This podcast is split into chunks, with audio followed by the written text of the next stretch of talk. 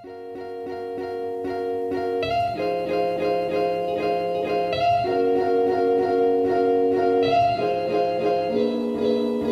kuulate investeerimisklubi podcasti, kõik on hästi, pea püsti, sõidad, kuulad seda bitti silmistu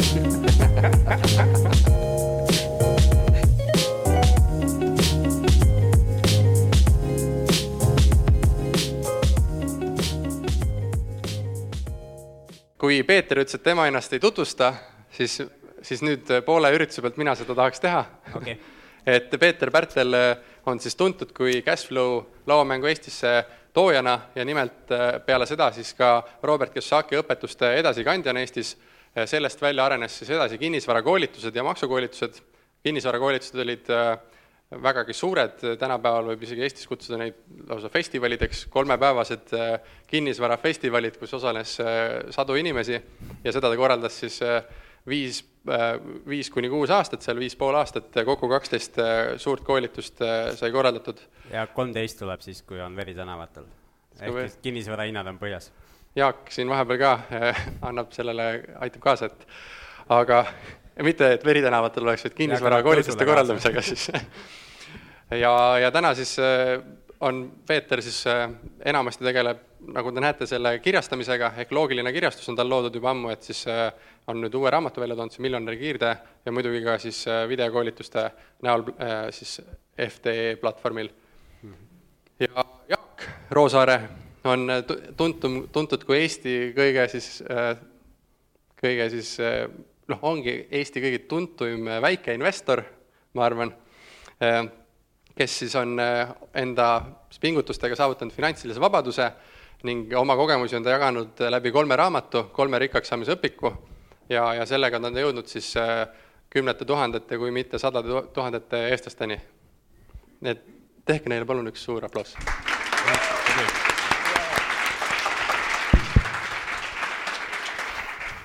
ühe asja, mis ma veel tahan ära teha, testime, kas ega, ega me liiga karjuma ei hakka, et Jaak, kas saad paar sõna? üks, kaks, kolm. ja Peeter? üks, kaks, kolm. üks, kaks, kolm, üks, üks, üks, üks. ma panen Jaaku natuke vaiksemaks. kiirtee. Nonii, küll me saame hakkama. Jaagu võib täitsa vaiksemaks. Jaak nulli. Nonii, aga millega ma tahtsin alustada, on see, et ma tahaks publiku käest ja auditooriumi käest küsida kaks küsimust andke mulle palun üks, üks sekund, et ma saaksin selle küsimuse ette panna.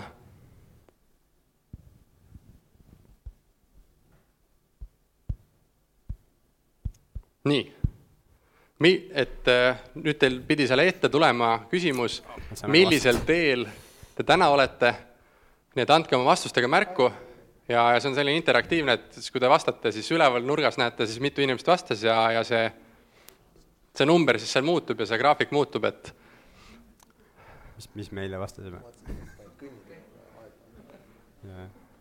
kuusteist inimest on vastanud, et nad on aeglasel teel. jah. tundub, et kõnnitee on Tartus rohkem. oli, aa ei, siin on ka kõnnitee tuli, tuli, tuli kõnnitee. kiidega. anonüümne on see, nii et et meie pärast ka ei näe, kes mis, miskil teel on. Facebookis näida-, laivis nimesid yeah.. ei, tegelikult on auto, ano-, anonüümne see täiesti. no nii, kolmkümmend üks, kolmkümmend neli inimest on vastanud, kaheksakümmend kuus protsenti on siis aeglasel teel, kaheksa protsenti kõnniteel, kuus protsenti kiirteel. Jaak, või see, Peeter, mis sa panid praegu, vastasid ka ära, jah? jah. sina ütlesid kiirtee sinna? ei pannud. ei pannud, okei okay.. nelikümmend viis inimest. eile panin, täna ei pannud Jaak veenis sind ümber eile juba. no nelikümmend kaheksa inimest on igastahes hääle andnud, et et vaatame seda pilti korraks. ülihuvitav näha ja siis nüüd mul on teine küsimus teile ette siia panna. ja teine küsimus on see, et millisel teel, millisele, vabandust kirjavea pärast, aga millisele teele plaanite siis asu-, asuda? ja, ja vähemalt need nelikümmend kaheksa inimest, kes ennem vastasid, palun vastake siis nüüd ka. et osad as-, plaanivad kõnniteele asuda Need on, need on need inimesed, kes ootavad seda kõige uuemat iPhone'i siis lähevad sinna poe ette ootama. ei, kõnnitee on fun kindlasti, et homset ei ole, tähendab kõik ära kulutada. no nii, peaaegu on vahetunud täpselt see kaaluda kauss, et, et kui, nüüd aeglast teed tuleb juurde, aga põhimõtteliselt oi, noh, jõuliselt. jah, et Tallinnas, kui Tartust äh, tuua võrdluseks, siis Tartus oli, lõpptulemus oli see, et kiirteel soovis olla kaheksakümmend kuus protsenti inimestest, siis Tallinnas seitsekümmend kolm ja aeglane tee on kakskümmend protsenti. aga kuigi ikkagi need kaalukausid on vahetunud, et, et kõik, kes siis äh, täna on aegsel teel, noh, enamus neist soovivad kiirteele saada ja ja, ja ma ei teagi, mis selle kõnniteega on. see on statistiliselt äh, ebaoluline no nii, mis te arvate, härrad, et ma annan teile sõna, kas te tahate kommenteerida seda pilti, mis siin äh, kahe küsimustikuga on avanenud? Jaak?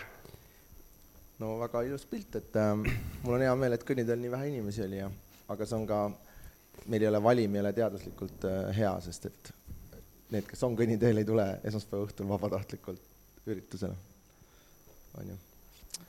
ja eks me siis äh, arutleme Peetriga, et äh, kui kerge ja lihtne või raske seal siis seda kiirteed teha on. Peeter, mis sa arvad sellest tulemusest? ei noh, loogiline ju, et kui me rääkisime nagu äh, need, nendel teemadel täna räägime, et siis, siis see kindlasti tundub nagu ahvatlev. aga räägime jah, siis sellest, et kui, kui lihtne või keeruline seda, seda teha on. räägiks rohkem kui lihtne. hästi, aga enne, kui me läheme sinna teemasse sisse, siis ma tahaksin küsida äh, sellise üldise küsimuse, et defineerime ära sõna rikkus ja siis define-, defineerime ära sõna jõukus. Peeter, kuidas sa mõistad neid kahte terminit? no mina olen rikkuse ja jõukuse kasutanud Robert Kiyosaki definitsiooni, et jõukus on see, kui sa oled arvatust väljas, ehk su siis investeeringutest või ütleme, mittetöisest tulust tuleb, su summa on suurem igakuiselt või, või siis aasta lõikes on suurem kui see, mis sa elamiseks vajad. et see on nagu jõukas ja jõukaks saamine nagu te-, on nagu lihtsam ja võta võib-olla, ja võtab võib-olla vähem aega, vähemalt siiamaani ma arvasin seda ja nüüd äh, miljonäri kirjad lugedes võib-olla tundus mõte, et, et see ei peakski kohe esimene eesmärk olema. aga rikkus oleks siis, äh, no see, mingi summaga saab äh, võtta seda, et et MC Demarco kirjutab, et kümme aastat tagasi või vanasti oli see üks miljon, aga et täna nagu alla viie miljoni küll kuidagi rikas olla ei saa, et, et see oleks siis varade hulk viis miljonit või rohkem. ja äh, minu meelest on hea raamat Felix Tenniselt, eile oli ka jutt How to be, how to get rich, kuidas rikkaks saada kes siis äh, numbriliselt defineeris ära, et äh, viis miljonit on comfortably poor ja kümme miljonit on lesser rich ja siis vist kümme kuni viiskümmend miljonit on rich ja üle saja miljoni on nagu real rich ja nii edasi. aga et äh, miks ma julgesin ikkagi rikkaks saamise õpikule panna rikkaks saamise õpik, mitte rahaliselt vaba, vabaks saamise õpik, mis oleks nagu korrektsem olnud, on ju, on võib-olla siis see, et, et ma tahan ka turunduses hea inimene olla, et sõna rikas on nagu palju hoomatavam ja arusaadavam kui rahaline, rahaliselt vabaks saamise õpik. ja, ja siin keegi küsis ka, et mis tunne on äh, nüüd justkui iseendale vastu rääkida, et ma ei, ma ei tunne tegelikult, et see üksteisele vastu läheb, et äh, et võiks kirjutada rikkaks saamise õpikule uue järjenimega väga rikkaks saamise õpik. et, et, et ja see läheb ük, mitte üks-ühele, aga suuresti üheksakümmend protsenti kokku selle Demarco õpetusega, et äh, ja tegelikult, kes loeb seda rikkaks saamise õpikut veits süviti, et seal on ka kirjas, et palgad on üks variant, kindlasti suurema riskiga, aga suurema potentsiaalse tootlusega on ettevõtlus ja on intervjuud ettevõtjatega, kellel see on edukas. ma kaamera ja, ja teiste huviliste huvides, kes pärast seda vaatavad, loen selle küsimuse ette ka. Äh, kuidas äh, endal tunne on õpetada, esitleda mingeid vaateid, mis mõnes mõttes vastanduvad äh, teie eelmistele õpetustele? Et võta korraks kokku see enda vastus uuesti. et, et, et seal rikkaks saamise õpikus on kohe niisugune osa nagu ettevõtlus mm, -hmm. seal ongi intervjuud inimestega, kes on seda edukalt teinud, et minu meelest Raivo Ein on nagu hea näide, et tegigi, pani kõvasti aega ja vaeva sisse, ehitas firma, see ei olnud küll globaalne, aga puudutas Eestis noh, miljoneid ei saa öelda, aga sadu tuhandeid, ja müüs selle siis kümne pluss miljoniga ära, õppis siis investeerima, hakkas seda raha investeerima. tema äripartner sai samamoodi, eks ole, viis miljonit või midagi ja ei osanud investeerida ja põletas selle, suuresti selle raha ära. et, et minu meelest see ettevõtlus on alati nagu investeerimisega olnud nagu, nagu väga niisugune ühisosaga. et ta on lihtsalt siis aeglasem tee palgatööst ja kiirem tee läbi ettevõtluse, aga ka riskantsem. ja Peeter? mis küsimus oli? seesama küsimus, kuidas äh, on tunne siis õpetada, esitleda mingeid vaateid, mis mõnes mõttes äh, vastanduvad sellele, millest sa siis varem, varem oled rääkinud, esitlenud et see ongi hästi noh, huvitav, et ma alati edasi õpetanud seda, mida ma ise õpin parasjagu, eks ju, ja ja kedagi paremat nagu minu arust varem ei olnud võtta kui Kiyosaki materjal. ja seal on nagu kin-, selgelt nagu see fookus sellel odavatest väljasaamisel. ja, ja seda ma siis ise olen praktiseerinud ja ka edasi õpetanud. aga tõesti, tunne on see, et noh, et kurat võtaks, et oleks võinud see miljonäri kiirde varem olla, et siis oleks nagu seda teed mööda läinud. ja, ja keskendunud rohkem selle kiirde ettevõtte ehitamisele. Sest minu meelest ülihea asi, mis ta nagu hästi selgelt annab, mida ma ei ole nagu mujal näinud, on needsamad kiirdekäsud ja või need viis käsku või need viis kriteeriumi, millele see üldse, see ettevõte peaks vastama, et tal oleks üldse kiirdepotentsiaal. ja nende käskude vastu olen mina ka eksinud nagu siiamaani ja, ja, ja mõnes mõttes jätkuvalt eksin, aga, aga kui ma teen nüüd järgmiseid plaane, siis, siis ma võtan neid, need käsud on nagu see filter. et ma tahan, et need asjad, järgmised plaanid ja uued asjad hakkaks vastama nagu nendele käskudele. kuidas sa jõudsid selle raamatuni üldse? Et ma kuulan erinevaid podcast'e äh, inglise keeles ja siis äh, erinevad inimesed, noh, räägivad seal, eks ju äh,, ettevõtlusteemadel, investeerimist ja nii edasi, ja siis see oli üks raamat, mis hakkas erinevatest podcast'ist nagu läbi käima ja olid erinevad ameeriklased, kes ütlesid, et ma umbes kaks aastat tagasi lugesin seda. et kaks tuhat viisteist ütles, et nad olid lugenud seda raamatut siis arvatavasti üksteist või kaksteist aastal ja siis selleks ajaks neil oli kas, kellel oli miljon väärt ettevõte, kellel viis miljonit väärt ettevõte, kellel veel rohkem. Ja siis tuli nagu mitmest täiesti erinevast podcast'ist ja läbi ja siis mõtlesin, et, et huvitav raamat, et, et ma tahan, et noh, tahan ka lugeda seda ja siis tellisin endale selle ja, ja siis lugesingi. Jaak, sina lugesid raamatu hiljuti läbi, umbes eh, nädal tagasi, et ja kuidas, mis mõtted sul tekkisid peale seda lugemist, kas oli ka selline ära või mingi üllatusmoment selles või? väga hea raamat oli, et lugesin kohe hoia ühe... palun eh, seda lähemal. väga hea raamat oli väga hea raamat oli, et lugesin ühe põntsuga läbi kohe ja mõtlesin, ma võtan ta puhkusele kaasa, et, et meil oli nagu Hispaanias üks reis, aga lugesin juba enne lennukisse minekut läbi, et ei võtnudki kaasa.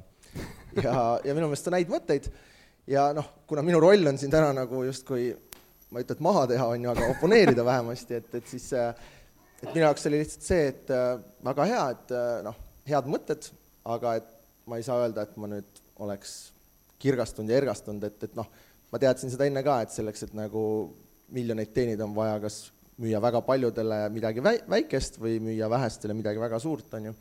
ja, ja, ja minu jaoks seal võib-olla niisugune suurim paradoks oligi see, et, et äh, nendest käskudest, et, et see pidi olema selline äh, kuhu on väga raske siseneda, aga samal ajal me ikkagi nagu kaheksakümmend protsenti tahavad või noh, kujutaks ennast ette sellel teekonnal, et, et siis see ei saa olla nii lihtne, et ja, ja võib-olla teine asi on just see maailma globaalne asi, et mul on nagu kahetsed tunded selle koha pealt, et et ma olen ühelt poolt nõus, et hiina keeles midagi müüa Hiinasse, eks ole, on lõputu turg, aga et noh, minu jaoks näiteks LHV Pank on niisugune hea näide, et saab tegelikult ka Eesti turule ehitada ettevõte, mis teenib kümme pluss miljonit aastas kasumit et, et see ei pea olema alati globaalne, et, et mõnikord on sul lihtsam ikkagi oma turul olla nii-öelda väiksest tiigist suur kala kui suurest tiigis väike kala. Esmase LHV-ks on ka ju globaalsed plaanid, eks ju, ja mõnes mõttes nad kindlasti kasutavad seda tahtlikku kordust mingi hetk, ehk ehitavad siin süsteemi üles ja siis istutavad sellesama asja teise riiki. aga ja, räägime see korraks sellest. aastas korruta selle koefitsiendiga läbi, et see turuväärtus on LHV-l ikkagi juba sada pluss, et aga arutame selle teema korraks läbi, et siis noh, väga intrigeeriv on see, et, et äh, kaheksakümmend protsenti võib-olla on selle aeglasel teel mm -hmm. ja siis kõik need enamasti tahavad, äh, siis soovivad ja plaanivad minna kiirteele, et ja Jaak ütles, et see nagu ei ole võimalik, et kas see on see illusioon või, või millest me siin räägime? ma ei öelnud, et see ei ole nagu kõigil, see on nagu selline asi nagu, mis võiks olla hea näide, et ähm, noh, võita Ironman, mis Tallinnas toimub, on ju et see on nagu teoori-, teoreetiliselt meil kõigil võimalik ja keegi võidabki selle see aasta, aga no ma isiklikult tunnen, et mina ei ole valmis ohverdama enda ülejäänud, või noh, ilmselt aastaga jõuaks ka, on ju, aga et et ma ei oleks nagu valmis selleks ohverduseks, mida see eeldab. ja et ma arvan, Tartus meil eile peamine niisugune vestlus oligi selles ringis, et et see on tore plaan ja see on äge, aga selle saavutamine on väga suure riski ja, ja ohverdusega seotud, et enamus teist ja meist ei ole selleks valmis. see on lihtsalt minu point et see, selles suhtes eh, noh, kuidas mina näen seda, on see, et kõik need, miks need eh, muud ideed müüvad nagu hästi, et säästa viiskümmend prossa, eks ju, või säästa kümme prossa või osta pensionifondi või ma ei tea, lihtsalt äh, säästa, eks ju, mida pangad käivad koolides rääkimas ja õpetamas, on see, et äh, säästa pool telekaraha, võta teine järelmaksu, eks ju, siis saad teleka omanikuks, eks ju, siis hakka uuesti säästma, siis sa ostad, ma ei tea, uue auto, eks ju. ja nii edasi, eks ju. et neid ideid on nagu hästi lihtne muuta, inimene või müüa või inimestele tutvustada, sellepärast et inimene ise ei pea enda elus ühtegi muudatust tegema eks ju, kui ma ütlen sulle, et säästa kümme prossa, noh, igaüks suudab seda teha suht lihtsa vaevaga, eks ju, mitte midagi ei muutu su elus. käi tööl edasi, tee sedasama, eks ju, säästa lihtsalt. aga kui ma ütlen sulle, et eh, nüüd ehita see kiirteeettevõte, siis enam, need, kes juba ei ole ettevõtjad, teie jaoks see tähendab seda, et te peate tegema kardinaalse muudatuse elus. Te peate tegema täieliku muudatuse, te no pak-, peaaegu esimene samm, aga võib-olla äh, on paar sammu saab enne teha, aga põhimõtteliselt palgatööst loobumine äh, on nagu esimeste sammude seas. ja siis tekib see olukord, et, et äh, ma ei tea, kas see oli anekdoot või mingi lugu, et palgatöötaja küsib ettevõtjalt, et kuule, kuidas sa saad ettevõtja olla? et äh, sa ei tea üldse, palju sa järgmine kuu teenid. kuidas sa saad olla ettevõtja, eks ju? et, et sa sa ei tea, kust tuleb järgmine kuu raha ja palju sa teenid, eks ju. aga näe, saan tegelikult ettevõtja saab olla ja ta kunagi ei tea, palju järgmine kuu raha tuleb. aga tal on see kontroll, ta istub juhi toolil, ta saab mõjutada seda. ehk et ma saan teha ka ettevõtjana mingeid turundustegevusi, ma saan tuua uue toote välja, ma saan nii palju asju teha, kui ma tahan tulu suurendada, eks ju. ja kui ma ei tee, siis väheneb. ja samamoodi siis ettevõtja, eks ju, küsib palgatöötajalt, kuule, kuidas sa saad palgatöötaja olla, kui sa juba täna tead, palju sa maksimaalselt järgmine kuu teenid? mis sul viga on, eks ju miks, kuidas sa oled nõus niisuguse olukorraga, et sa juba täna tead, palju sa maksimaalselt järgmine kuu teenid? ja need kaks maailma on vast-, täielikud vastandid. Ehk et eh, kui sa tahad sinna kiirteele minna, sa pead sellest ühest maailmast, kus sa tead ette asju, noh, ja need numbrid ei ole väga suured, minema teise maailma, kus numbrid võivad esialgu veel väiksemad olla, aga potentsiaal on oluliselt suurem. eks see on elu muutev otsus, see ei ole niisama, et äh, teen sedasama edasi, mida ma teinud olen ja noh, tšuti natukene, vene keeles on see tšut-tšut, jah. et äh, natukene teen midagi, midagi muud sinna kõrvale. see ei ole see otsus, see on valik. Ja see on pühendumine, see on see monogaamia, millest ta selles raamatus räägib. Jaak, aga küsimus, mis ma panin, highlight isin ära ka, on see, et äh, mis sa arvad sellest seisukohast, et säästmine on pidurdamine? ja, ja teine sarnane küsimus oli see, et, et vi-, et viiekümne protsendi klubis olles säästa on, on justkui mõttetu äh, De Marco poolt. jah, et ma arvan, et see on küsimus, mis sa selle säästuga teed, eks ole, et et minu meelest Peetri on nii selle, ja Marko mõte on ka see, et, et sa selle säästu, et sa pead ikkagi, sa ei tohi seda ära kulutada, on ju, sa pead selle säästma ja nüüd on lihtsalt see, et kas sa ostad selle eest aktsiaid või sa ostad selle eest äh, Facebooki turundust või mingit oma firma asja, on ju, et et mm. selles mõttes me ikkagi räägime samast asjast, et et äh, reaalsus on see et, et üheksakümmend protsenti inimestest kipub ikkagi sinna kõnnitee suunas minema, on ju, et, et äh, ma ütleks, et äh, minu niisugune ja mille üle ma olen ise uhke ja ma olen saanud head tagasisidet, et, et et äh, kui see rikkaks saamise õpik kõnetas neid inimesi ja aitab neid sinna keskmisele teele, siis see on juba suur asi. ja et kes sealt keskmiselt teelt edasi tahab minna, siis see peaks suutma sealt äh, ettevõtluse osast nagu seda vihjet saada, on ju, et äh. kas teema ei ole mitte hoopis selles, et kust see raha tuleb, mida säästetakse? et kui sa oled ettevõtlusega te-, teeninud siis tulu ja sealt sa siis otsustad, kas sa hakkad seda investeerima või uuesti investeerima et kas äh, selles kontekstis on hoopis äh, küsimus selles, et kust see raha tuleb? peamine küsimus on see, mis on eesmärk, eks ju, et kui eesmärk on jõuda sellele aeglasele teele, eks ju, täna on kõnniteel ja tahan aeglasele teele jõuda, siis säästmine, noh, seal ei ole isegi säästmine ei ole esimene samm, esimene samm on hakka vähendama neid kiirlaene, eks ju. ennaktempos ja tule sealt august välja ja siis hakka säästma ja, ja kogu oma see fond ja siis äh, jätka säästmist. aga kui eesmärk on rikkaks saada, siis äh, sa selle raha peaksid siis investeerima sellesse kasvu.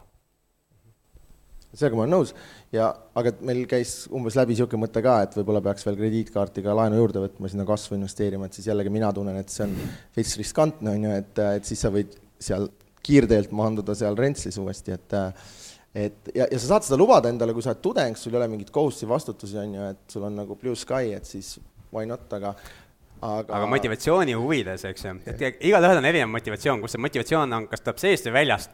et kui sa tahad välist motivatsiooni, et siis äh, see, et kulutad krediitkaardiga nagu kuhugi auku ära, et siis see on, väline motivatsioon on kohe olemas, et keegi nagu tahab sult järgmise kuu kahekümnendaks raha tagasi saada. ja, ja mõnel juhul või mõne inimese puhul see aitab nagu, et mind on ta elus mingi hetk aidanud, et ma olen seda kasutanud paar korda ja, ja Roland Tokoga koos me te tegime seda, et me võtsime krediitkaardiga nagu auku ja käisime USA-s koolitustel. siis tulime tagasi, siis oli kuu lõpp, siis meil oli kakskümmend päeva välja, aega välja mõelda, et kustkohast see raha saada, et, et pangale ära maksta uuesti.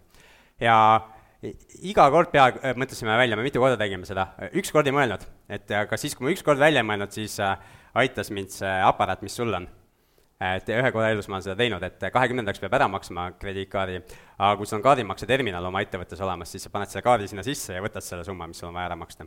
et siis, siis sa saad tähtaega veel juurde järgmise kuu kahekümnendani.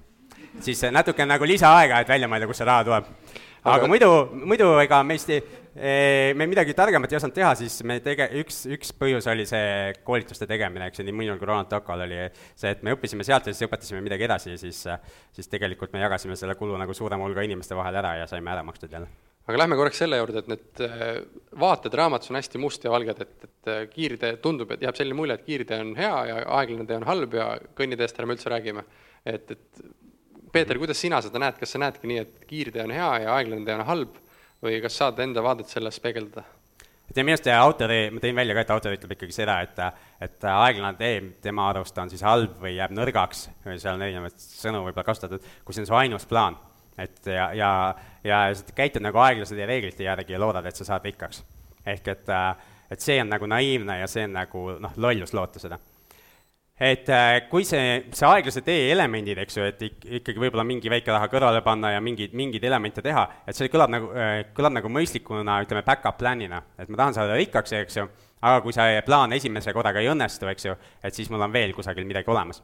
aga see, kus see veel on, see on ka oluline, kus see on, sest ja kiirteettevõtlusega on see ka, et kui sa isiklikult käendad, siis, äh, siis see võib üks vaheetapp, eile ma ütlesin, et see võib lõppeda, aga tegelikult see vaheetapp võib olla eraisiku pankrot et eraisiku pankrot kes-, on juriidiline sündmus, mis kestab viis aastat, pärast seda saad reset ida asja ja uuesti alustada. aga et see võib olla vaheetapp nagu. et, et siis, siis äh, see aeglase tee plaan võib seal nagu niisugune back-up variant olla, et kusagil on mingid säästud, millele siis keegi ligi ei saa. Jaak, kuidas sina seda näed, kas see on mustvalge või seal on äh, mingi ühine osa? minu meelest on see selles mõttes nagu selge, et äh, noh, iga Excelit omav inimene saab arvutada, et kui su palk on tuhat eurot, on ju, ja sa paned sealt viiskümmend protsenti kõrvale, see on viissada eurot kuus, korda kaksteist on kuus tuhat eurot aastas, on ju. kui sa tahad saada miljonäriks kahekümne, kolmekümne aastaga, siis see ei ole nagu matemaatiliselt võimalik. et iseküsimus ongi siis, et kas, kas sa peaksid tahtma miljonäriks saada, olles ise seal palgatööl, on ju, et või, või ei ole seda vaja. ja, ja, ja ma ise julgeks öelda, et enamustel inimestel ei ole vaja nagu olla kümne pluss miljoni omanik, et see toob rohkem vaeva kui, kui rõõmu, et. aga seal on üks küsimus ka, et äh, nimi on vist valesti kirjutatud, et jääk, jäägiks kutsutakse neid, aga, aga kas järgmine raamat on ettevõtetega rikkaks saamise õpik? ja sama küsimus on investeerimisklubi kohta ka. et üks asi, mis me eile tegelikult rääkisime, vaata äh, Jaguga ka, et, et ei nii minul kui Jaagul on tegelikult see, et me, meilt ei, inimesed ei küsi meilt tavaliselt, et kuulge, kuidas te algkapitali saite selle jaoks, et nagu investeerima üldse hakata. et minult seda ei, keegi ei taha kuulda ja Jaagult ka keegi ei taha seda kuulda. et kõik küsivad Peeter nagu, kuidas sa said algkapitali? kõik küsivad nagu seda, et, et kuidas ma saan, ma ei tea, sada protsenti laenuga kinnisvara osta, eks ju ja, ja seda ma olen koolitustel nagu õpetanud ka, sest noh, inimesed küsivad seda ja see on nagu lihtsam õpetada, eks ju. noh, õpetada seda, mida inimesed tahavad teada, eks ju, mitte, mitte rääkida seda noh, on püüdnud alati rääkida seda ka, mis oluline tegelikult on, eks ju aga kui me räägime sellest, kus me algkapitali saime, siis tegelikult äh, me, nii Jaak kui mina, mõlemad me oleme saanud tegelikult ettevõtlusest algkapitali. et äh, äh, algkapital on tulnud siis minu puhul on tulnud ettevõtlusest ja siis äh, laenuga kinnisvara ostmisest, kaks asja et ma ostsin korteri ja, ja võtsin sada protsenti laenu esimese investeeringuks. aga ma sain seda teha ainult läbi ettevõtluse, ehk need inimesed, kes mulle laenu andsid, nad uskusid, et kui see korteri asi ei õnnestu, siis ma suudan oma ettevõtlusest selle tagasi maksta. et kui mul ei oleks olnud ettevõtlust, siis ma ei oleks saanud seda, sellist laenu või ma ei oleks saanud osta seda kinnisvara niimoodi. või mul, siis mul ei oleks olnud ka seda äh, võimalust tegelikult see laen tagasi maksta, kui see asi ebaõnnestub aga ettevõtlus on olnud see võti, mis on võimaldanud nagu äh, alustada ja hiljem ka kapitali koguda ja üks ettevõtlus on olnud mul raamatupidamise ettevõte, nagu ma ütlesin, ja see hullult on pankadele meeldinud, tänu se-, tänu sellele ettevõttele on nad näiteks äh, andnud äh, laenu ka kinnisvara ostmiseks. ja, ja et ettevõtlus on tegelikult seal taga. ja, ja sellest tegelikult keegi ei taha kuulda, ma olen teinud ettevõtluskoolitusi ka, seal on kõige vähem osalusi, osalejaid, et noh, see on see moment, kus sa pead oma elu muutma ja suurem osa inimesi ei taha oma elu muuta. Jaak räägib äkki enda algkapitali kogumisest ka mina müüsin värvilist traati Elvas et sellest sai see esimene sent siis, mis hakkas kasvama. aga et ma mõtlesin, mõtlesin selle peale, et see on nagu see lugu, et keegi müüs ühe õuna kahe euroga ja siis ostis kaks õuna ja nii edasi ja siis vanaisa suri, pärandas miljoni, et et et sõltub, mida selleks algkapitaliks pidada, et minul nagu varaliselt läksid investeerimisvõimalused oluliselt laiemaks siis, kui ma USA-s raamatuid käisin müümas, et põhjus, miks ma ei ole sellest väga rääkinud, et noh, ma ei ole lihtsalt tahtnud seda nii avalikult nii palju promoda, et see peaaegu kõlaks nagu äh, tasuta reklaam või mis ta ongi, eks ole, aga aga, ja see oli üks suur koht ja teine suur koht oli see, et äh, pärast kaks tuhat üheksa kriisi mul oli julgust ja kapitali, kuna ma samal ajal töötasin USA-s, on ju, ehk siis äh, meie raamatumüügiärile mõjus väga hästi see majanduskrahh, et siis äh, mul oli võime osta ka võimendust kasutades siis julgelt neid aktsiaid kokku, et, et seal ma nagu kolmekordistasin aastaga enda raha, et, et see oli niisugune eile sa tõid numbreid ka välja, kas sa saad seda täna ka tuua? või Tartus oli väiksem seltskond ei salvestatud? ei, siin on ju igast sõbrad majandusajalehtedest, et siis ei saa siin midagi aga ma küsin, ma küsin sellise küsimuse, et suurusjärgud, eks ju, Jaak ise, Jaak ise ei räägi ja mina, mina siis räägin suurusjärkudest ainult, et, et viiekümne protsendi klubi oli sulle tuttav, eks ju, ma sain aru, et äh, viima-, kõige paremad suved, eks ju, suutsid äh, kusagil sada tuhat genereerida ja aasta jooksul viiskümmend tuhat kulutada. ehk siis, kui sul viiskümmend tuhat aastas tekib kapitali läbi müügitöö või ettevõtluse, okei okay,, hiljem läksid paremaks numbrid. klubidest kui viiekümne protsendi klubi. okei okay,, vist veel rohkem, eks ju. et ühesõnaga, kui sul tekib viiskümmend tuhat või rohkem aastas kapitali, eks ju, siis, äh, siis need sajad tuhanded nagu kogunevad üsna kiiresti versus lihtsalt nagu palgatöö, kust ei ole võimalik seda panna, aga see on aktiivne müügitöö näiteks. aga et me oleme Peetriga mõlemad olnud ju sellist kaheksast viieni palgatööl, et et ja me võib-olla pärast räägime sellest ka, on ju, et, et sellise kiirteettevõtluse ja palgatöö vahel on veel ettevõtte optsioonid, müügitöö, tulemustasud, niisugused asjad. aga küsimus äh, siis minu poolt on selline, et me räägime sellest, et teenida siis suurt algkapitali ja sellest hetkest, äh, sellest, et mul kõvaks läks see Äh, see ja me teenime palju algkapitali ja sellest hetkest siis hakkame siis äh, investeerima mingit osa sellest, kuid äh, kui meil ei ole üldse, kui me ei ole väikselt üldse investeerinud, siis kuidas me suure rahaga siis investeerima hakkame, et tavaliselt öeldakse, et alustades väikse rahaga kogemuse saamist ja siis, kui sa suure raha saad, siis sul on juba see kogemus olemas, sa ei tee neid vigu. ja et selles mõttes mina alustasin ikkagi investeerimisest enne suurt raha et ma, ma olen sellega hästi nõus ja sellepärast investeerimisklubi on äge, äge üritus, on ju. et ja see Raivo Heina äripartner on hea näide, et, et kui sa ei ole varem üldse investeerimisega kokku puutunud, et siis see võib nagu olla alguses noh, sellepärast tulebki panna hästi turvaliselt, on ju, seda raha. siin on üks küsimus ka, et kas investeerimisklubist saab nüüd ettevõtlusklubi? Ja, ja teine küsimus, et kas Jaagu see on sulle küsimus, jah? nojah, aga teine küsimus on, et kas et järgmine raamat Jääkuul on siis äh, ettevõtetega see on meil pooleli see küsimus, et äh, pigem on see, et kui nüüd seda rikkaks saamise õpet-, õpikut saab uuendatud, uued numbrid ja ja, ja uued intervjuud ja nii edasi, et siis ma kirjutan puust ja punaselt lahti seda ettevõtlusosa veel rohkem. et, äh, et paljud inimesed on võtnud, eriti just tudengid minu meelest selle, et et ma võt-, ma saan palju küsimusi, on ju, et mul on nüüd sada eurot, kus ma seda keerutama hakkan, kus ma seda tootlust hakkan taga ajama, et ma olen nagu alati ausalt öelnud, et, et see tootlus tuleb mängu alles kunagi hiljem-hiljem, et alguses on ikkagi kapitali tekitamist. Aga, aga jah. ja mina millest me eile ka ju tegelikult rääkisime, et, et hästi paljud inimesed on võtnud, eks ju, sinu sellest raamatust selle säästmise idee, see viiekümne protsendi klubi kõlab nagu jõle hästi, eks ju, ja siis püüavad nagu olemasolevast midagi, midagi säästma hakata, eks ju, ma lugesin ka selle raamatut, mina lugesin välja selle, mis Jaagul ka seal sees on, eks ju, et ma, ma pean oma tulusid kahekordistama ja, ja, ja, ja mis me, mis me ise mingi hetk avastasingi, et ma saan ka viiekümne protsendi klubis, aga läbi tulude kahekordistamise või mitmekordistamise, mitte läbi selle, et ma oleks nagu elustandardit hakanud vähendama või säästma oleks midagi hakanud. ja minu arust see, see tulude mitmekordistamine on nagu palju jätkusuutlikum, kui, kui elada, sa eile sa rääkisid investori paastukuust, eks ju, ja, ja siis vaatasime väga pikade nägudega üksteist või sina vaatasid mind vähemalt, et et see tundus nagu väga loll mõte, et, et sellepärast, et et see elada nagu selle, kuidas see on, see ramen noodle või mis iganes see kõige odavam toit on, mida osta saab, eks ju, sellest nagu kuu aega elada ja panna seitsekümmend prossa siis kõrvale palgast, eks ju. et noh, et see ei ole nagu korratav, eks ju, et, et ma eile sulle ütlesin ka, et selle asemel mina teeks nagu selle äh, investori, ütleme, tulude kasvatamise kuu või midagi niisugust, et võtaks töölt, töölt, eks ju, võtaks palgata puhkust kuu aega ja seaks eesmärgiks, et selle kuu ajaga kaks korda rohkem raha teenida, kui, kui palgatööga oled teeninud siiamaani ja, ja kui sa selle nagu ära teed, siis see on korratav. eks ju, siis sul endal võib-olla on pärast äh, küsimus, et miks me sinna tööle peaks tagasi minema. ja see on hea nagu, siis sa oledki selle muutuse teinud elus. Äh, jätab nagu lihtsa mulje, et noh, ma kujutan ette, et, et enamus, kes hakkavad siis sissetuleku suurendamise kuud tegema, siis äh, selle kuuga ei teeni mitte midagi. Tegelikult see teenimine on üli, ei, see, see ei pea nii keeruline olema.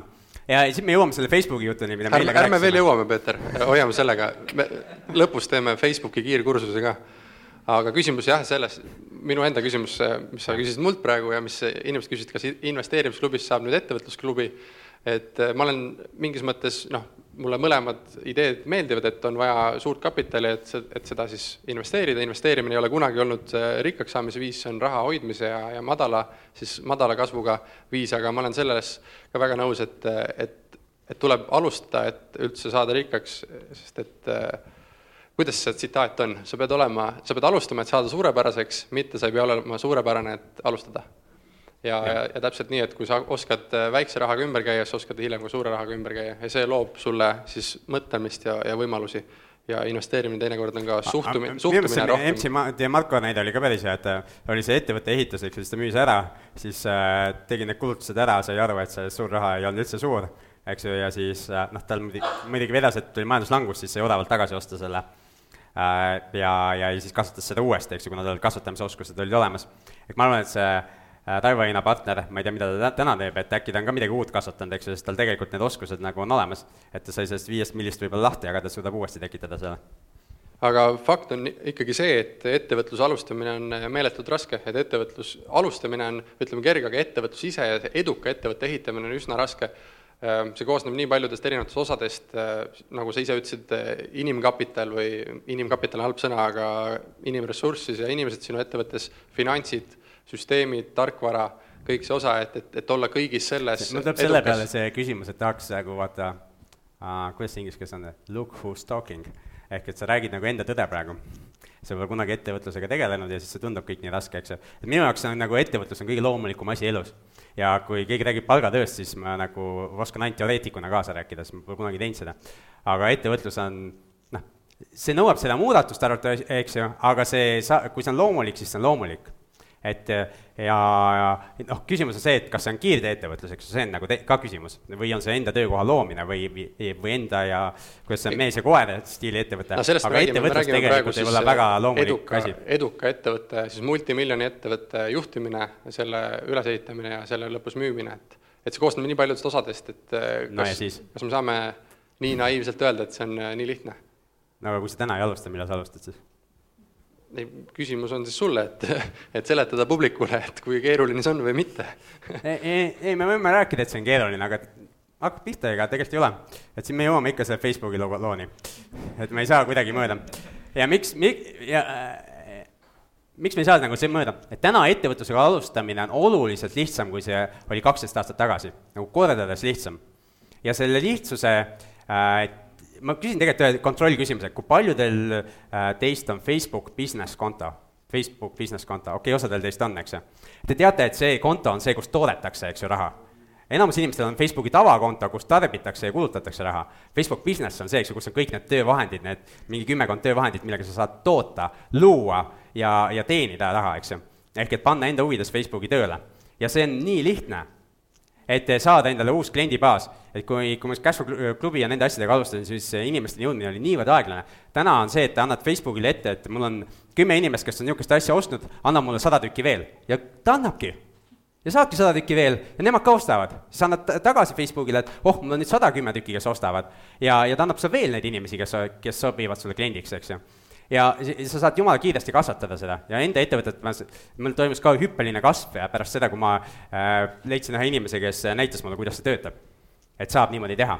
ja Facebookis on igasugu uuendusi, nüüd kõige lahedam uuendus on neil see, et sa saad rahanumbri ka igale inimesele külge panna veel. ma saan öelda, kui palju inimene mulle väärt on eks ju, et ma saan öelda, et Jaak on mulle miljonit väärt, eks ju, keegi teine on vähem väärt ja nii edasi, eks ju, ja siis ma saan öelda, et need tegelased maksavad mulle hoopis, panen miinusega, eks ju mis Facebook teeb, on see, et ta otsib mulle siis Jaagu-suguseid juurde ja neid tüüpe, kes mulle maksavad, nendele jumala eest ei näita ühtegi reklaami. et see meeletu mõnus tööriist, mida Facebook annab. ja enamus inimesi kasutab seda valesti. turundajad, ettevõtjad kasutavad seda valesti. sest ük-, ainuke asi, mis sa Facebookis peaksid tegema, on see, et meelitama inimesi sealt minema enda lehele, kus ta annab sulle maili aadressi, et sa saaksid selle inimesega edaspidi ühendust võtta.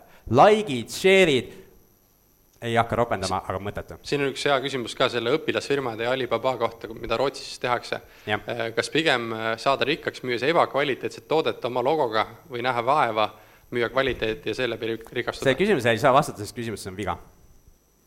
sest siin on pandud võrdusmärk Alibaba ja ebakvaliteetse toote vahele ja see võrdusmärk ei ole absoluutne. ja kui me saame tellida Alibabast kvaliteetse toote ja panna sellele oma logo peale ja kõik on nagu noh, siis ei ole seda küsimust enam. Jaak, kuidas sina selle kohta arvad, et eile sa rääkisid ka, et, et selle turundamise ja siis selle müümise vahel ja sina rääkisid rohkem, et väärtuse loomisest ja sellist tootmisettevõtete ülesehitamisest, et sulle meeldib see mõte nagu rohkem? no ma ei tea, kas meil on saalis mingeid internetiturundajaid või? Mihkel, sina oled, on ju. kas see, mis mul endal, kuna ma ei ole teemas sees, siis ma võib-olla eksin, aga mul on täpselt niisugune tunne, et Peeter meenutab mind ennast, kui ma olen nagu avastanud näiteks selle, et äh, ma ei tea, ma saan mingi telefoniga videosid teha või noh, et, et ma oletan, et see tegelikult on nende jaoks nagu suht enesestmõistetav, sest turg on täis niisuguseid noori agressiivseid kümnenda, kaheteistkümnenda, esimese kursuse tudengeid, kes kõik seda ammu teavad, eriti kui veel USA-sse või kuhugi proovida müüa, et, et minu minu jaoks see tundub te, tegelikult see ei ole, Jaak, niimoodi, et no, et see siin aga laseme, laseme Jaagul ja. Äh, lause lõpetada, jah. no et see ongi, et, et see võib-olla kõlab nagu liiga lihtsalt, et äh, aga võib-olla mm. ongi nii, selles mõttes ei oska. aga kas anname, ma annan korraks Mihklile sõna, et kas okay, Mihkel, on nii lihtne? lihtne ei ole, aga ma arvan, kui sa selles asjas äh, eksperdiks saad master'isse jõuad ja neid nüansse tabad, nagu raamatumüügiski, neid õigeid hetki ja asju tabad, siis hakkab väga eksponentsiaalselt asi kasvama. ja sama küsimus on nagu ettevõtlusega ka, et, et vähesed võivad seda saavutada, et kuidas sa näed, et kas, kui paljud siit ruumist võiksid nagu selles master'iks saada või mis see eeldus on? seda on nüüd küll raske öelda, kui paljud siin saavad, et see selles suhtes, kui minusugune loll sellest aru saab, siis saate teie ka nagu, tõsiselt või? See ei ole tegelikult keeruline. aga mul on, ma teisest külje pealt, et äh, kui ma oleks pahatahtlik, siis ma ütleks, et väga hea, et keegi ei usu, et see nii lihtne on. tegelikult on jumala hea, et Jaak ma... ka ei usu, siis ma saan suunata Jaagu klientidele ka enda reklaamid ja hoopis tulevad minu juurde. aga siin on see, et sina oled Eestis nagu noh, proovi sedasama asja müüa kuhugi Singapuri turule, kus sa ei ole veel nii-öelda autoriteet, on ju.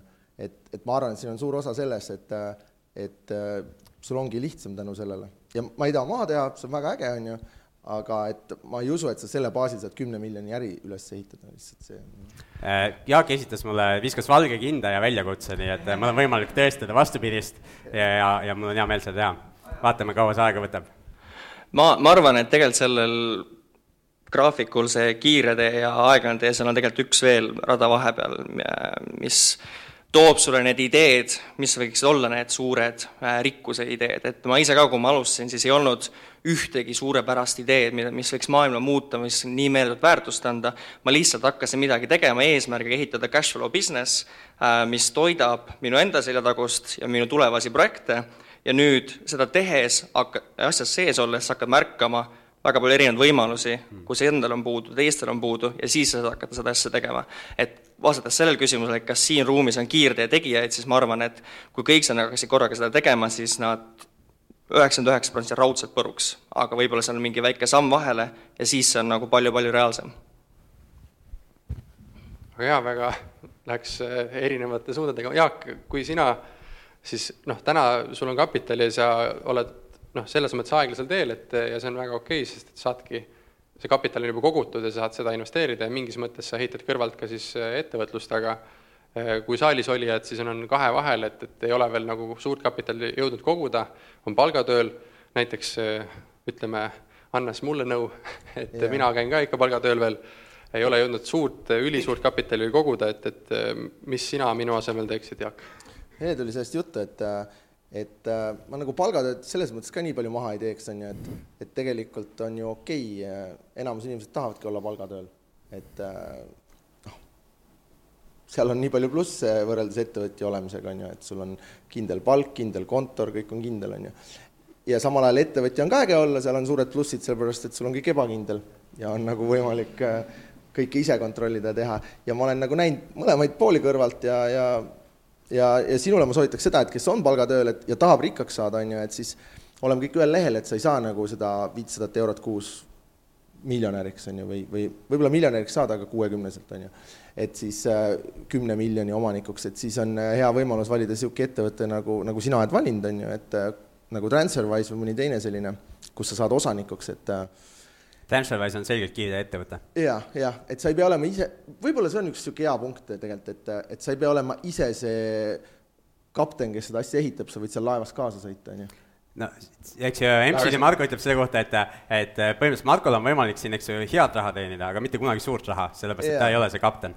ja, ja, aga in, erinevad inimesed, et ma ise avastanud, et ma parema meelega sõidan hea kapteniga kaasa, kui üritan ise kapten olla, sest mulle meeldib muid asju ka teha, on ju, et mul ei ole lihtsalt tahtmist võtta endal järgmised kümme aastat selle jaoks. Peeter, aga sulle küsimus, et kui siis olla nii-öelda madrus või sõita kapteniga kaasa ja õppida kõvasti ja, ja ärme ütleme madrus, ütleme näiteks äh, abitüürimees, abitüürimees kõlab. see ka, kes on kajutis, ütleme niimoodi, et äh, kui siis äh, sõita kaasa selle kapteniga ja õppida kiirtee siis ettevõtlust, äh, mitmeid eri tahke, et kas sina seda soovitad või pigem mitte? Võrre-, võrreldes siis alustada ise ja, ja hakata neid asju läbi proovima ja siis võib-olla eksida mitmeid kordi. ise õppimine on kindlasti kiirem et äh, eile me minu arust rääkisime ka, Marko, sulle, eks, et kui sa sealt ära tuleksid nüüd, siis õpiks oluliselt kiiremini neid asju. ehk et sa, su tööandja e-, eeldab, eks ju, et sa teed selle projekti lõpuni, siis ka, kui sul on juba õppetund käes. ja, ja eeldab, et sa kordaksid sama funktsiooni, mis sul juba selge on. Et äh, oma ettevõttes sa saaksid võtta uue funktsiooni ja selle, selle funktsiooni automatiseerida, anda järgmistele inimestele edasi. ja oluliselt kiiremini nagu õpiksid et äh, Margo on unikaalses olukorras, eks ju, mille me eile aru saime, et tal on mõistlik palgatöötajana seal olla, sest äh, sul olid niisugused huvitavad väärtpaberid nagu optsioon, optsioonid, jah, oli selle asja nimi. ehk et kui, ta seal piisavalt kaua tööl on, siis need muud lähevad järjest rohkem rahaks. ja, ja, ja see, ja, ja siis seal on mingi väärtus. aga, aga ma arvan, neid optsioone meil on Eestis oluliselt rohkem kui inimesi, kellel on võime ehitada kümne miljoni ärisid üles, et et mm. sealsamas Southwesternis, kus mina töötan, minul on optsioonid, meil on kakskümmend pluss inimest Eestis, kes kõik viie kuni kümne aasta jooksul saavad miljonäriks läbi selle, et, et ja noh, ma arvan, sama on Skype'is, sama on Playtechis, sama on Transferwise'is, isegi kõik Kalevi ja Orkla ja Põltsamaa Felixi töötajad saavad osta aktsiaid soodushinnaga, paljud ei tee muidugi meil on üks hästi oluline väärtus investeerimisklubis ja selle nimi on Keda sa kuulad. kuula neid inimesi, kes on jõudnud sinna, kus sina tahad jõuda mm, -hmm. aga samas, kes on olnud seal, kus sina täna oled, et nad oskaksid sulle siis rääkida sellest äh, teekonnast sinna, kus nemad on jõudnud, kes võiksid olla siis Eestis need inimesed, keda kiirtee lähenemise poole, poole pealt kuulata, et need võiksid olla ka sinu lähedal, et saaksid nendega siis aru pidada? no Hardi Meibaum on üks esimene näide, kes mulle kohe pähe tuleb, kes on maha müünud selle 3D printing firma, on ju, mis oli globaalne, vastas kõigile nendele tingimustele Raivo Ein, noh, ei olnud globaalne, aga on maha müünud. Ja siis need Transferwise'i mehed ja Rain Rannu ja näiteks ähm, Pipedrive'i mehed, Timo Rein ja Urmas Purde, kes seal on, kes veel ei ole maha müünud, aga võiks müüa, et järjekord on ukse taga. Ja ja mul oli endal hea võimalus vestelda selle Taxify asu-, asutajatega, et Taxify, ma arvan, samamoodi niisugune. Peeter, kas, keda sina jälgid äh, tänasel teekonnal, ma saan aru, et sa oled agressiivselt äh, kiire tee valinud ja, ja sinna suunas minemas no praegu selles suhtes see, et eilne ja tänane esinemine või, või, või see raamatu tutvustus olid nagu hästi head, need sundisid mind nagu ka selle raamatu uuesti veel läbi töötama ja mõtlema, lihtsustama enda jaoks ja süstematiseerima seda, et ma suudaksin seda tunni ajaga teile edasi anda, mis seal on. ja, ja, ja enda jaoks ma tegin päris palju niisuguseid ah-, ahhaa-momente veel sellest, et, et praegu mulle nagu äh, Äh, tundub järgmiste sammude jaoks mulle täitsa piisab sellest MC Marko mate-, De Marko materjalist ja, ja et ja enda asju nagu üle vaadata. ja, ja veel on mõningaid asju nagu töös, millest, millest on vara veel rääkida, eks, ja vaatame, mis, mis neist saab. üks äh, seitse inimest on andnud toetust ka, et Peeter, kui sa pole Fastlane äri ise veel suutnud üles ehitada, siis miks sa nii kindel oled, et see nii lihtne on? et äh, ma olen suutnud enda koolitusfirmat oluliselt kasvatada, et äh, Äripäev kinnitas seda koolitusfirmade topis, äh, panid ilusti mind sinna topi päris heale kohale nagu isegi suurematest ettevõtetest ettepoole nagu kasvu mõttes. ja, ja, ja seda just, just eelmisel kalendriaastal, eks ju, pärast seda, kui ma olin lugenud seda raamatut ja, ja võtsin kasutusele mõne, mõningad asjad. nii et noh, eks nende asjade kasutusele võtmine ehk, ehk see tegutsemine võtab aega ja sa saad teha samm-sammu haaval, eks ju, see ongi see mõjutamise seadus, eks ju, et sa mõjutad jupp jupi haaval ja kogu aeg läheb järjest suuremaks asi ja, ja tegelen sellega, sellega praegu ka. nii et äh, noh, see võtab aega, aga ma näen, et ma liigun nagu selles suunas ja ma tea-, ja, ja see, et ma selle läbi töötasin, nüüd ma vaatan neid asju läbi nende kriteeriumite. ja teen mi-, mingi, täna ma mõtlen oma koolitusfirma asju nagu selles võtmes, mitte äh, ainult, kuidas Eestis nagu eestikeelseid asju äh, teha, vaid ma hästi palju, meil on automatiseerimist ja me programmeerime pidevalt juurde lahendusi sinna. ja ma vaat-, tahan seda mudelit tegelikult nüüd saada nagu tööle et ma saaksin seda tahtlikku kordust teha, ükskõik mis muule turule, eks ju. Jaaguga oli ka korra juttu, et küsisid, et kas seda saaks Lätis, Leedus või kus iganes mujal kasutada, et saab küll, jah et või, või Singapuris või, või Uus-Meremaal, kus iganes sa tahad, et ma sa-, tegelikult ma noh, kui ma saan selle mudelit, pean veel natuke lihvima, eks ju, aga siis ma saan teha tahtlikku korraldust ükskõik kuhu.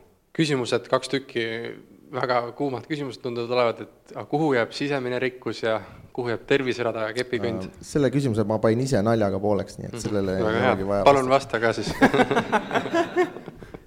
et äh, võib-olla nii palju siis, et, äh, et jälle üks asi, et kui, kui sa tahad, et ma nii-öelda oponeeriks raamatul, on ju, et mis, mis mind ennast mm. nagu noh, kriipis veits, oli nagu see mõte, et sa, sa tegeled kümme aastat või mis iganes X aastaid lihtsalt selle mõttega, et sul on see eesmärk, et siis ühel hetkel on see event, on ju, ma müün maha, saan kümme miljonit ja siis ma hakkan nagu elama.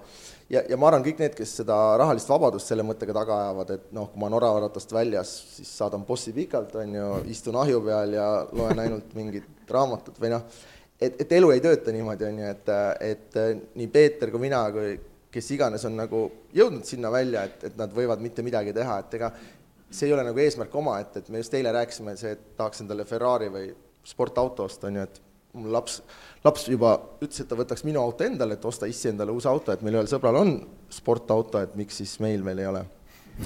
selline hea küsimus on ju. et ma proovisin ette kujutada, et noh, kuidas mu elu mõjutaks, on ju, et ma oleks äh, nagu suht naerualune, ma arvan, seal oma neighborhood'is on ju, et, et, et see ikkagi minu jaoks nagu meenutab natuke seda vaese või see kõnnitee inimest on ju, et kes nagu Eestis kuskil kuradi sitase kliima ja kruusateega laseb oma Ferrari'ga ringi, on ju, et, et see ei tundu nagu niisugune loogiline asi, et et, et vaat sealt raamatust peaks teise neighborhood'i ka kolima veel, eks ju? teise neighborhood'i kolima, on ju, et, et võib-olla sealt minu jaoks kõlas natuke liiga see läbi, et sa mingi elad terve elu, nii nagu see keskklass seal Dave Ramsey näites elab terve elu selle kuuekümne viie aastase mm. unistuse nimel, on ju, et ma ikka julgustaks kõiki nagu elama elu nii, nagu sulle meeldib elada ja lihtsalt teha tarku otsuseid sellega, rahaga seoses. Peeter, samad kaks küsimust siis, Jaagu küsimus siis sulle. jah, et äh, see, et ma täna olen ettevõtja ja, ja mõtlen neid kiirde et-, äh, kiirde ettevõtluse nagu mõtteid, et väga head mõtted on mul tekkinud näiteks ujumas käies, et, et mul on nagu äh, väga hea aeg ujumas käia, et ma tavaliselt käin, käin seal Ülemiste City's MyFitnessis ja ma käin seal kas hommikul mingi kümme kuni üksteist või siis äh, ühest kaheni.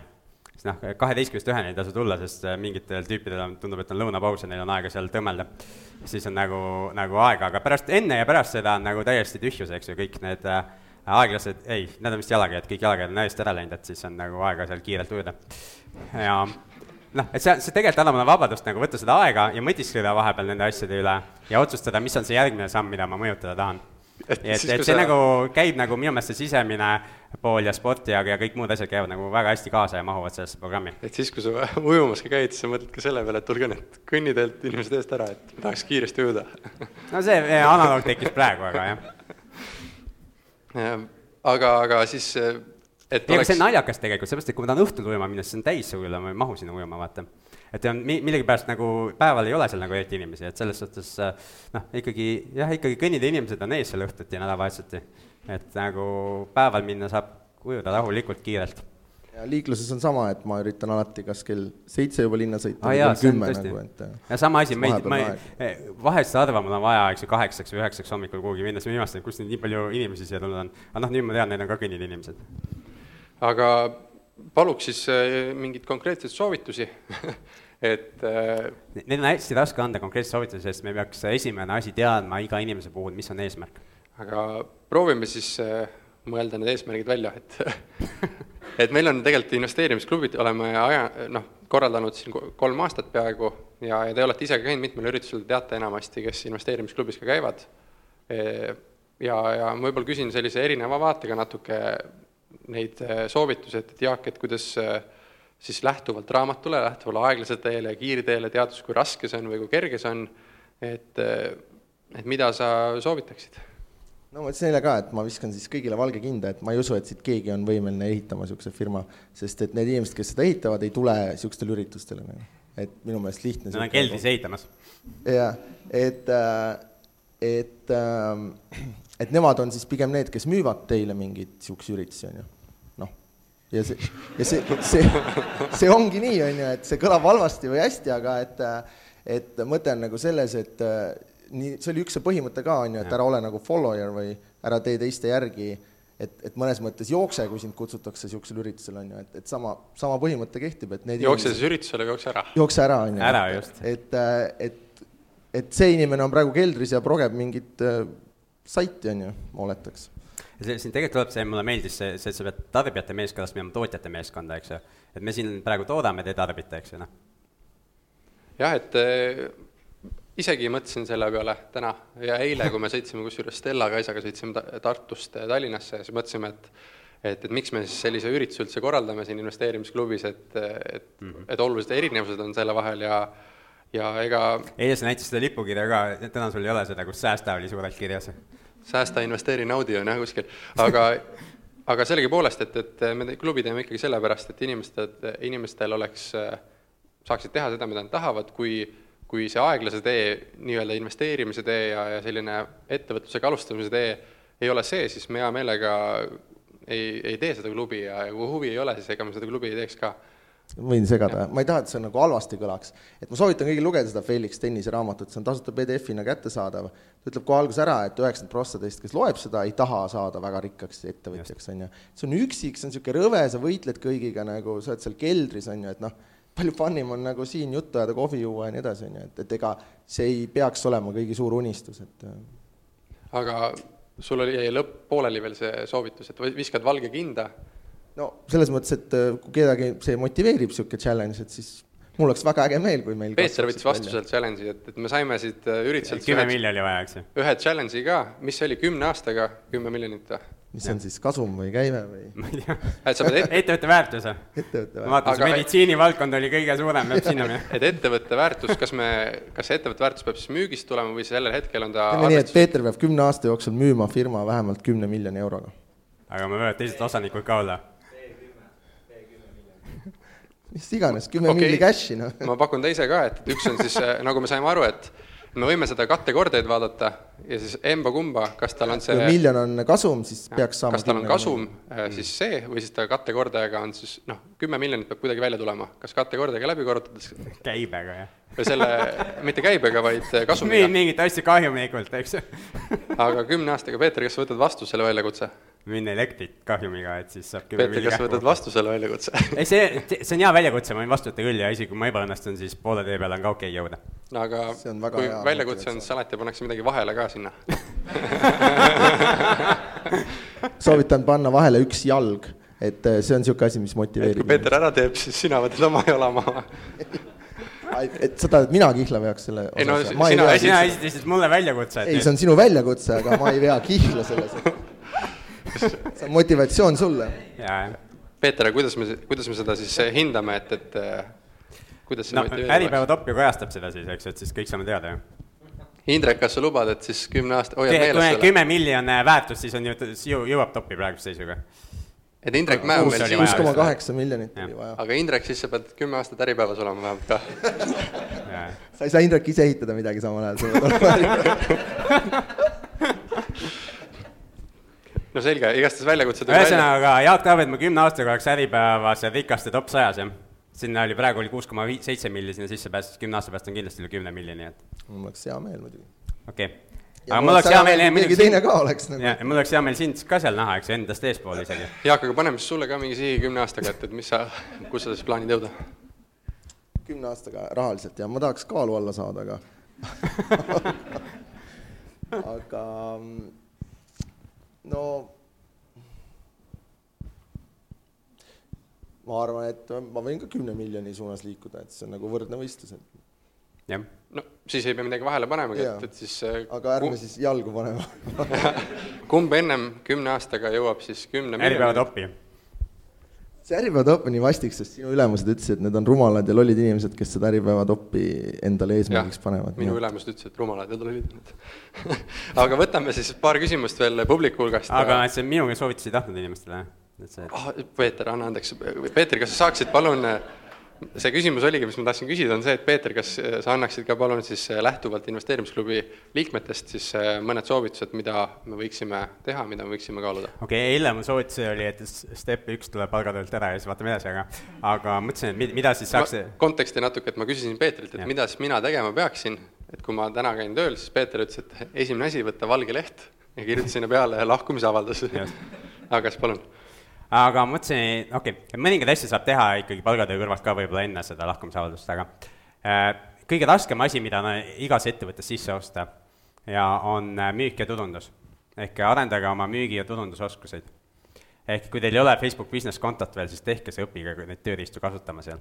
ja kõik juhendid on olemas või tegelikult ei ole ka päris seal, aga pead katsetama ja, ja leidma, eks ju. seal on noh, seal on nii palju uusi asju, et isegi ütleme, vanad turundajad tihti ei tea nendest asjadest, sest neil on liiga palju tööd, nad ei jõua õppida.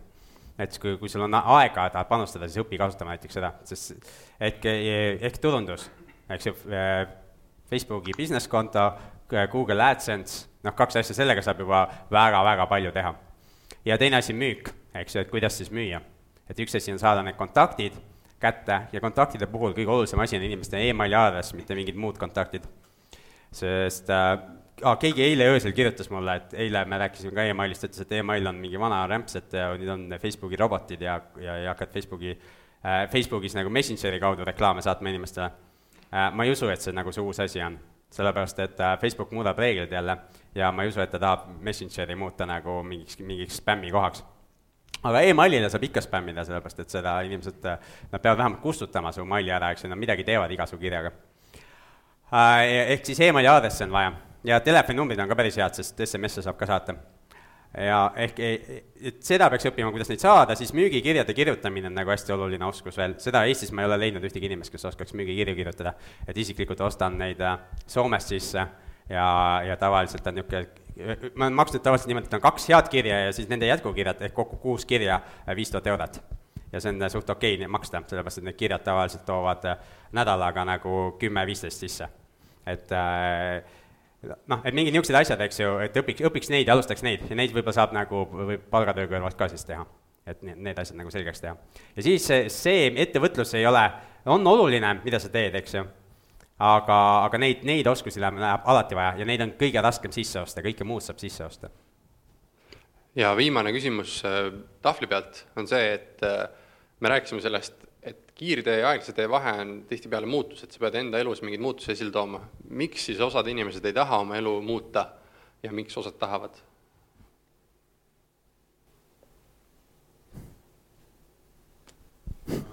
ma ei tea aus vastus, aga aga kui pikemalt mõelda, siis äh, peab tavaliselt muutuseks peab mingi valu olema, on ju.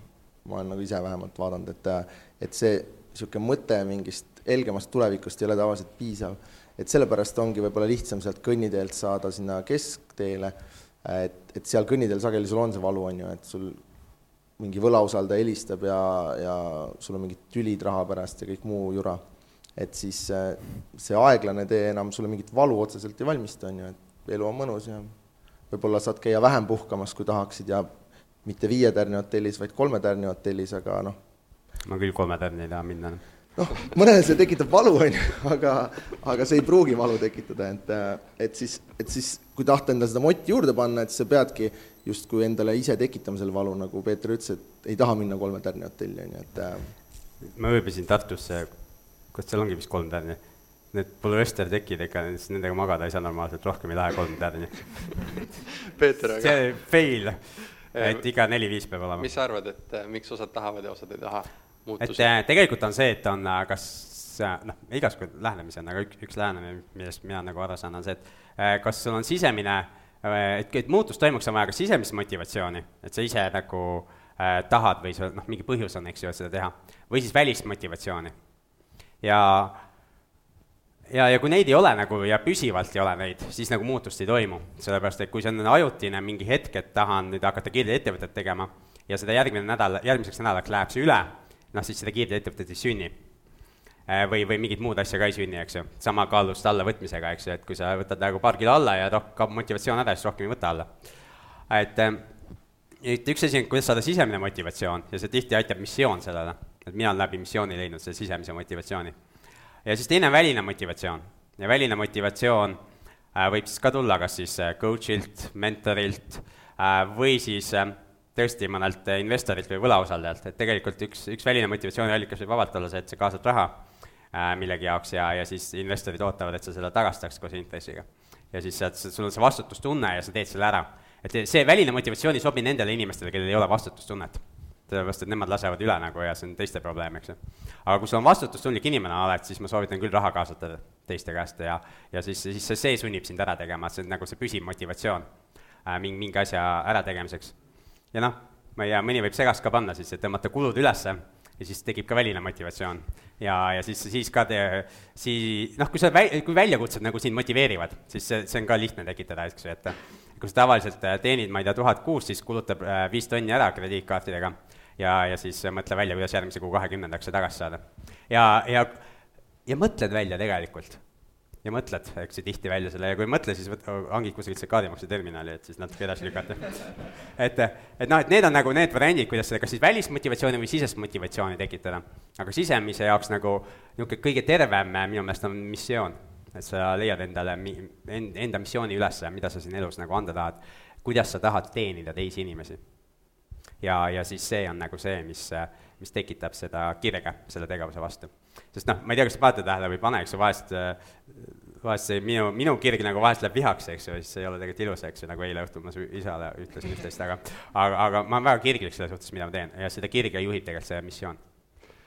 ja meie selle poolaasta peamine teema oli siis uue potentsiaali leidmine, mida siis vabastada ja, ja mul on tegelikult hea meel, et me selle raamatuse välja tõime ja, ja ma arvan, et see andis kõigile vähegi kill-, killuke perspektiivi juurde, lisaks sellele, mis nad täna teinud on ja, ja ma tänan teid mõlemaid, et te olete võtnud kaks õhtut järjest ja, ja tulnud siia ja vestelnud siis meiega. nii et eh, palun suur aplaus meiega. aitäh!